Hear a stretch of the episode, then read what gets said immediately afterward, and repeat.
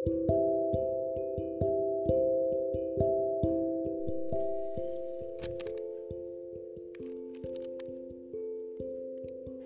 Healthy Peeps. Ketemu lagi ya Di channel podcast Aku Seger. Sembuh dari GERD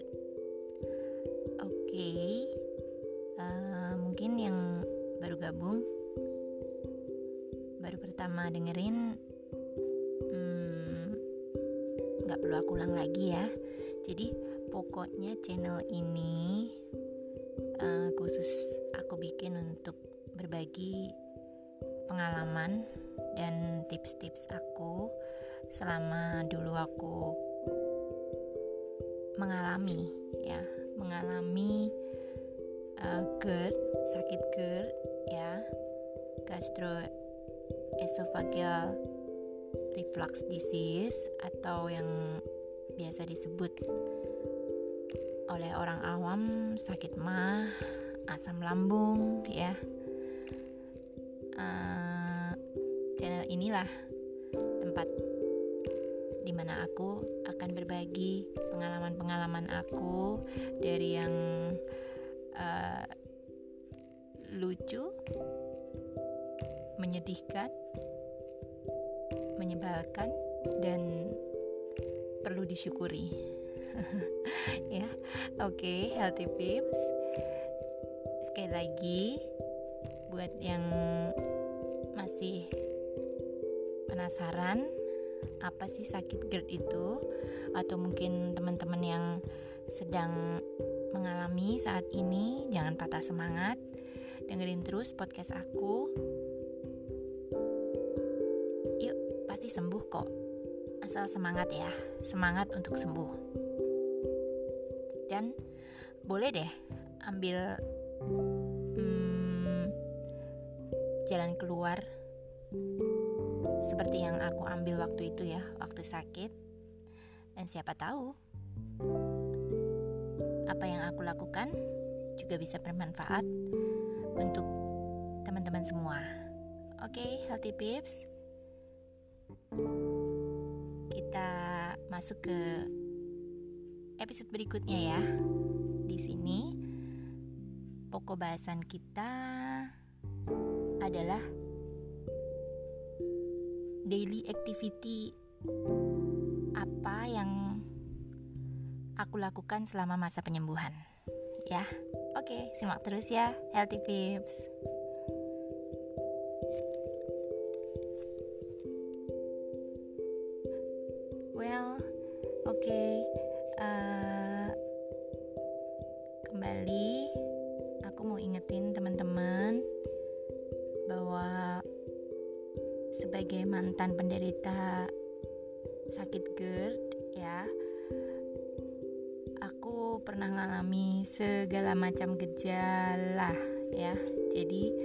Nanti untuk gejala-gejala yang pernah aku alami bisa di mungkin bisa dicek di podcast di episode satunya ya oke yang di podcast kali ini aku mau berbagi tentang pengalaman daily activities aku dulu waktu masa penyembuhan.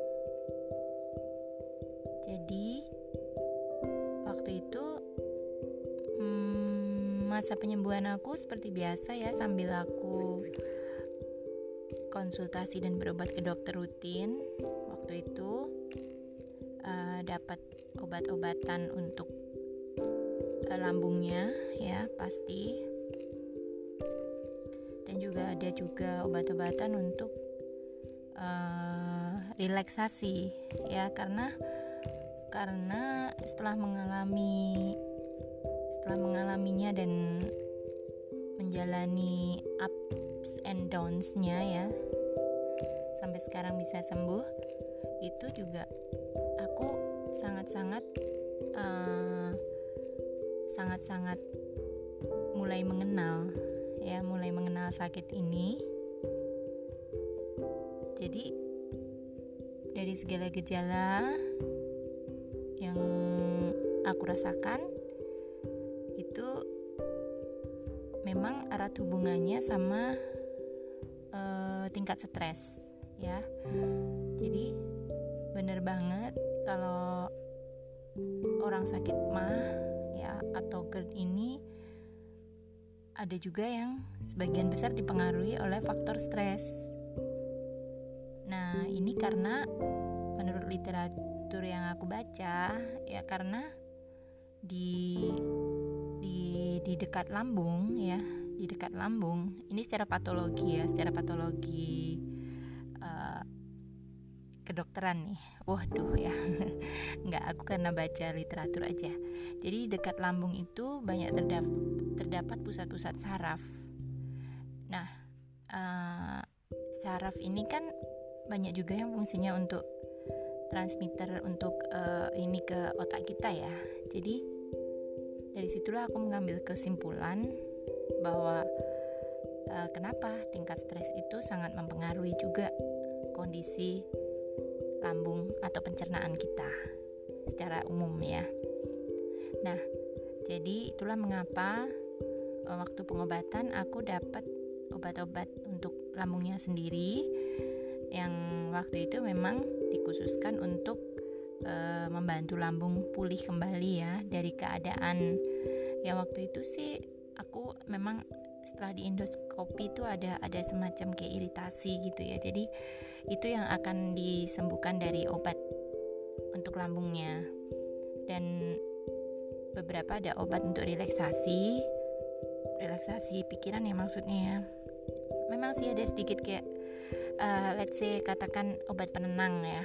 Tapi aku sendiri juga udah nggak hafal itunya apa itu namanya obatnya tapi waktu itu memang terbagi dua. Jadi ada yang untuk lambungnya dan ada untuk uh, penang.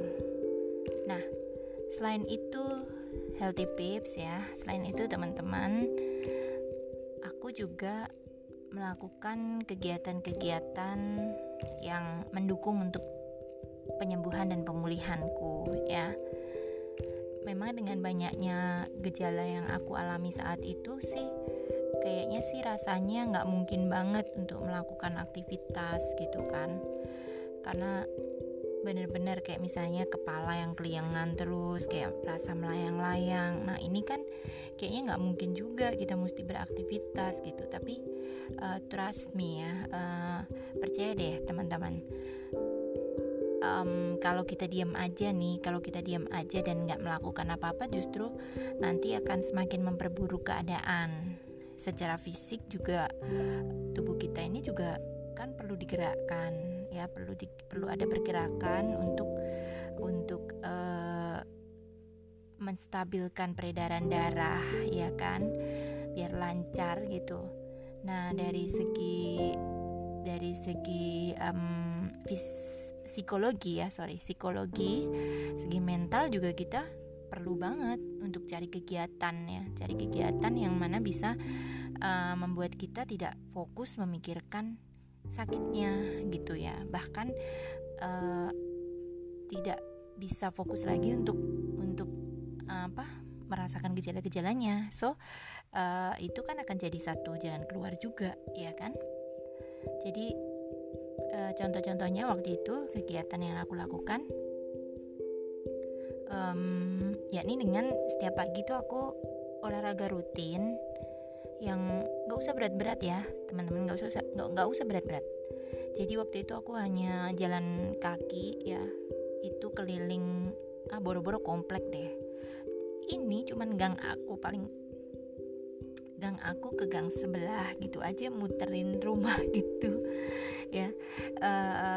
itu udah paling kalau kalau lagi bagus moodnya maksudnya lagi nggak terganggu pikirannya takut nanti kenapa kenapa oh ya karena uh, GERDien ini ya orang-orang penderita GERD ini banyak takutnya nih. Jadi kadang tuh mau melakukan sesuatu tuh udah mikirnya udah yang jauh banget. Mikirnya udah jelek-jelek. Nanti kalau misalnya uh, terjadi begini gimana terjadi begitu gimana ya seperti itulah.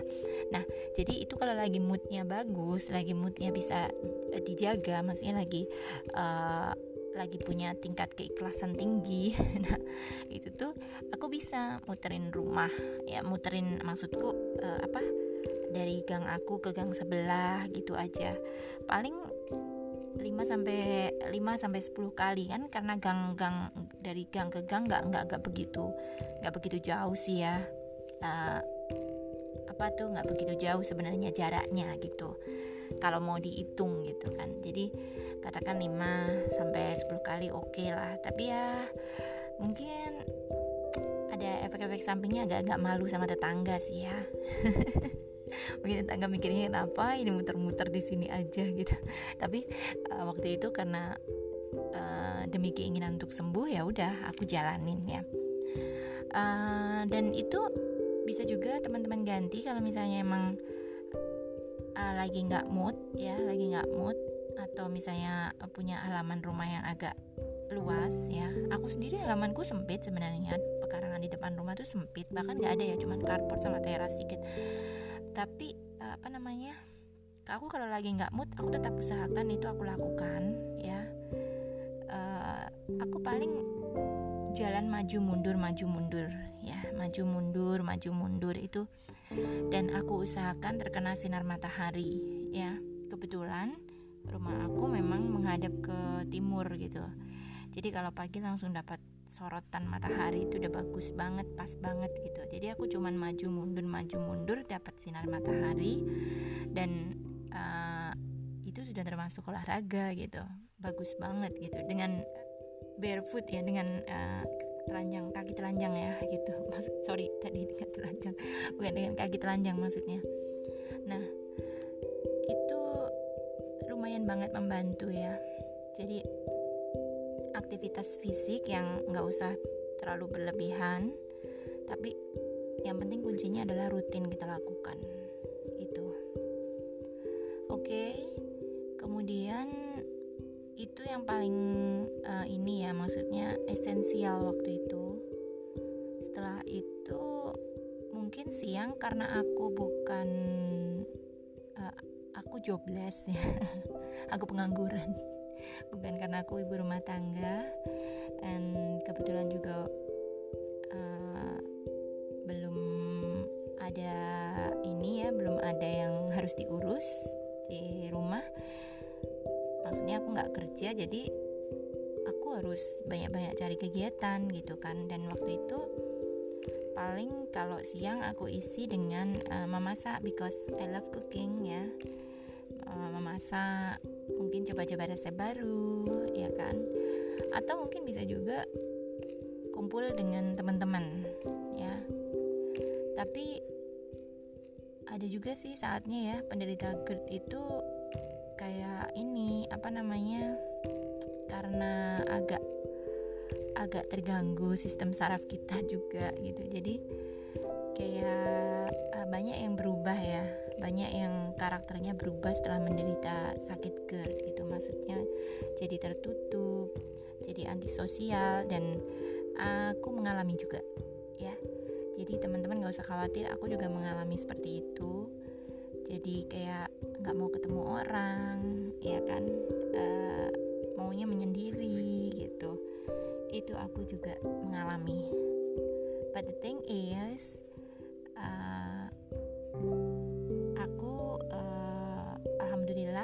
Tuhan aku diberi kekuatan untuk uh, bisa apa ya melawan pikiran-pikiran itu jadi akhirnya aku memutuskan untuk menghubungi teman-teman, menghubungi teman-teman lama, ya kan? Atau justru malah waktu itu aku mencari komunitas baru. Nah, dari, dari situ lumayan lah, jadi bisa untuk tambah kegiatan lagi, ya kan? Jadi siang sampai uh, sore mungkin ada kegiatan dengan teman-teman gitu. Pastikan kegiatannya positif ya, gitu. Nah, terus uh, nanti paling sore aku isi dengan memasak ya yang paling rutin itu memasak karena kebetulan untuk menyiapkan makan untuk suamiku juga ya jadi ya yang sekalian ada ada ada ada gunanya gitu terus apa ya uh, oh ya kalau kegiatan yang bersama teman-teman kalau bisa yang misalnya kegiatan untuk olahraga sekalian bagus juga ya. Jadi waktu itu aku juga kebetulan ada satu komunitas baru yang aku ikutin itu aku ikut di kelas dansa. Jadi uh, sekalian untuk latihan fisik juga gitu. Um, yang selain itu sih paling apa ya mm, ngejim nggak disaran eh, kalau lagi masa pengobatan yang masih parah-parahnya tuh nggak disarankan juga sih ya untuk untuk olahraga yang terlalu ekstrim. Jadi uh, aku belum waktu-waktu pas masa penyembuhan pertama kali sih aku belum aktif di gym. Uh, gym aku ke gym center setelah berapa bulan ya setelah berapa bulan aku sembuh sembuh. Maksudnya uh, sudah bisa uh, sudah banyak berkurang keluhannya ya. Itu sekitar lima bulan dari lima bulan oh tujuh bulan ya mungkin tujuh bulan dari dari pertama kali serangan ya.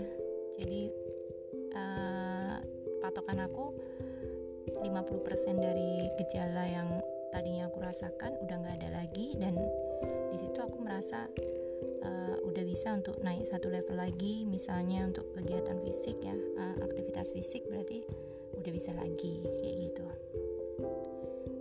Nah oke okay, teman-teman itu uh, untuk episode kali ini ya. Jadi itu share pengalaman aku dulu mengisi daily activities waktu masa penyembuhan ya. Dan nggak lupa dengan minum obat rutin jaga makan tetap jaga pola makan. Jangan sampai telat makan ya dua jam sekali kalau bisa diisi perutnya. Eh, nggak harus makan nasi justru justru itu nggak harus makan nasi. Perbanyak buah dan sayur. Jadi kalau misalnya setiap dua jam kan harus ngisi perutnya biar nggak kosong lambungnya. Nah itu kalau misalnya malas makan yang berat-berat justru lebih bagus. Kalau bisa makan buah atau sayur ya karena itu bagus banget. Untuk pemulihan. Dan aktivitas lainnya seperti yang tadi aku jelasin. Oke okay, healthy pips um, aku yang kali ini soal daily activities cukup ya. Jadi nanti kita jumpa lagi di episode yang lain dengan share pengalaman aku dan tips-tips aku juga buat teman-teman penderita GERD saat ini maupun yang sudah mantan yang mungkin masih mau maintain pola hidup sehatnya ya biar tetap terus ya. Nah ini aku senang banget bisa berbagi dengan teman-teman semua dan healthy pips di episode yang yang lain. Salam semangat sehat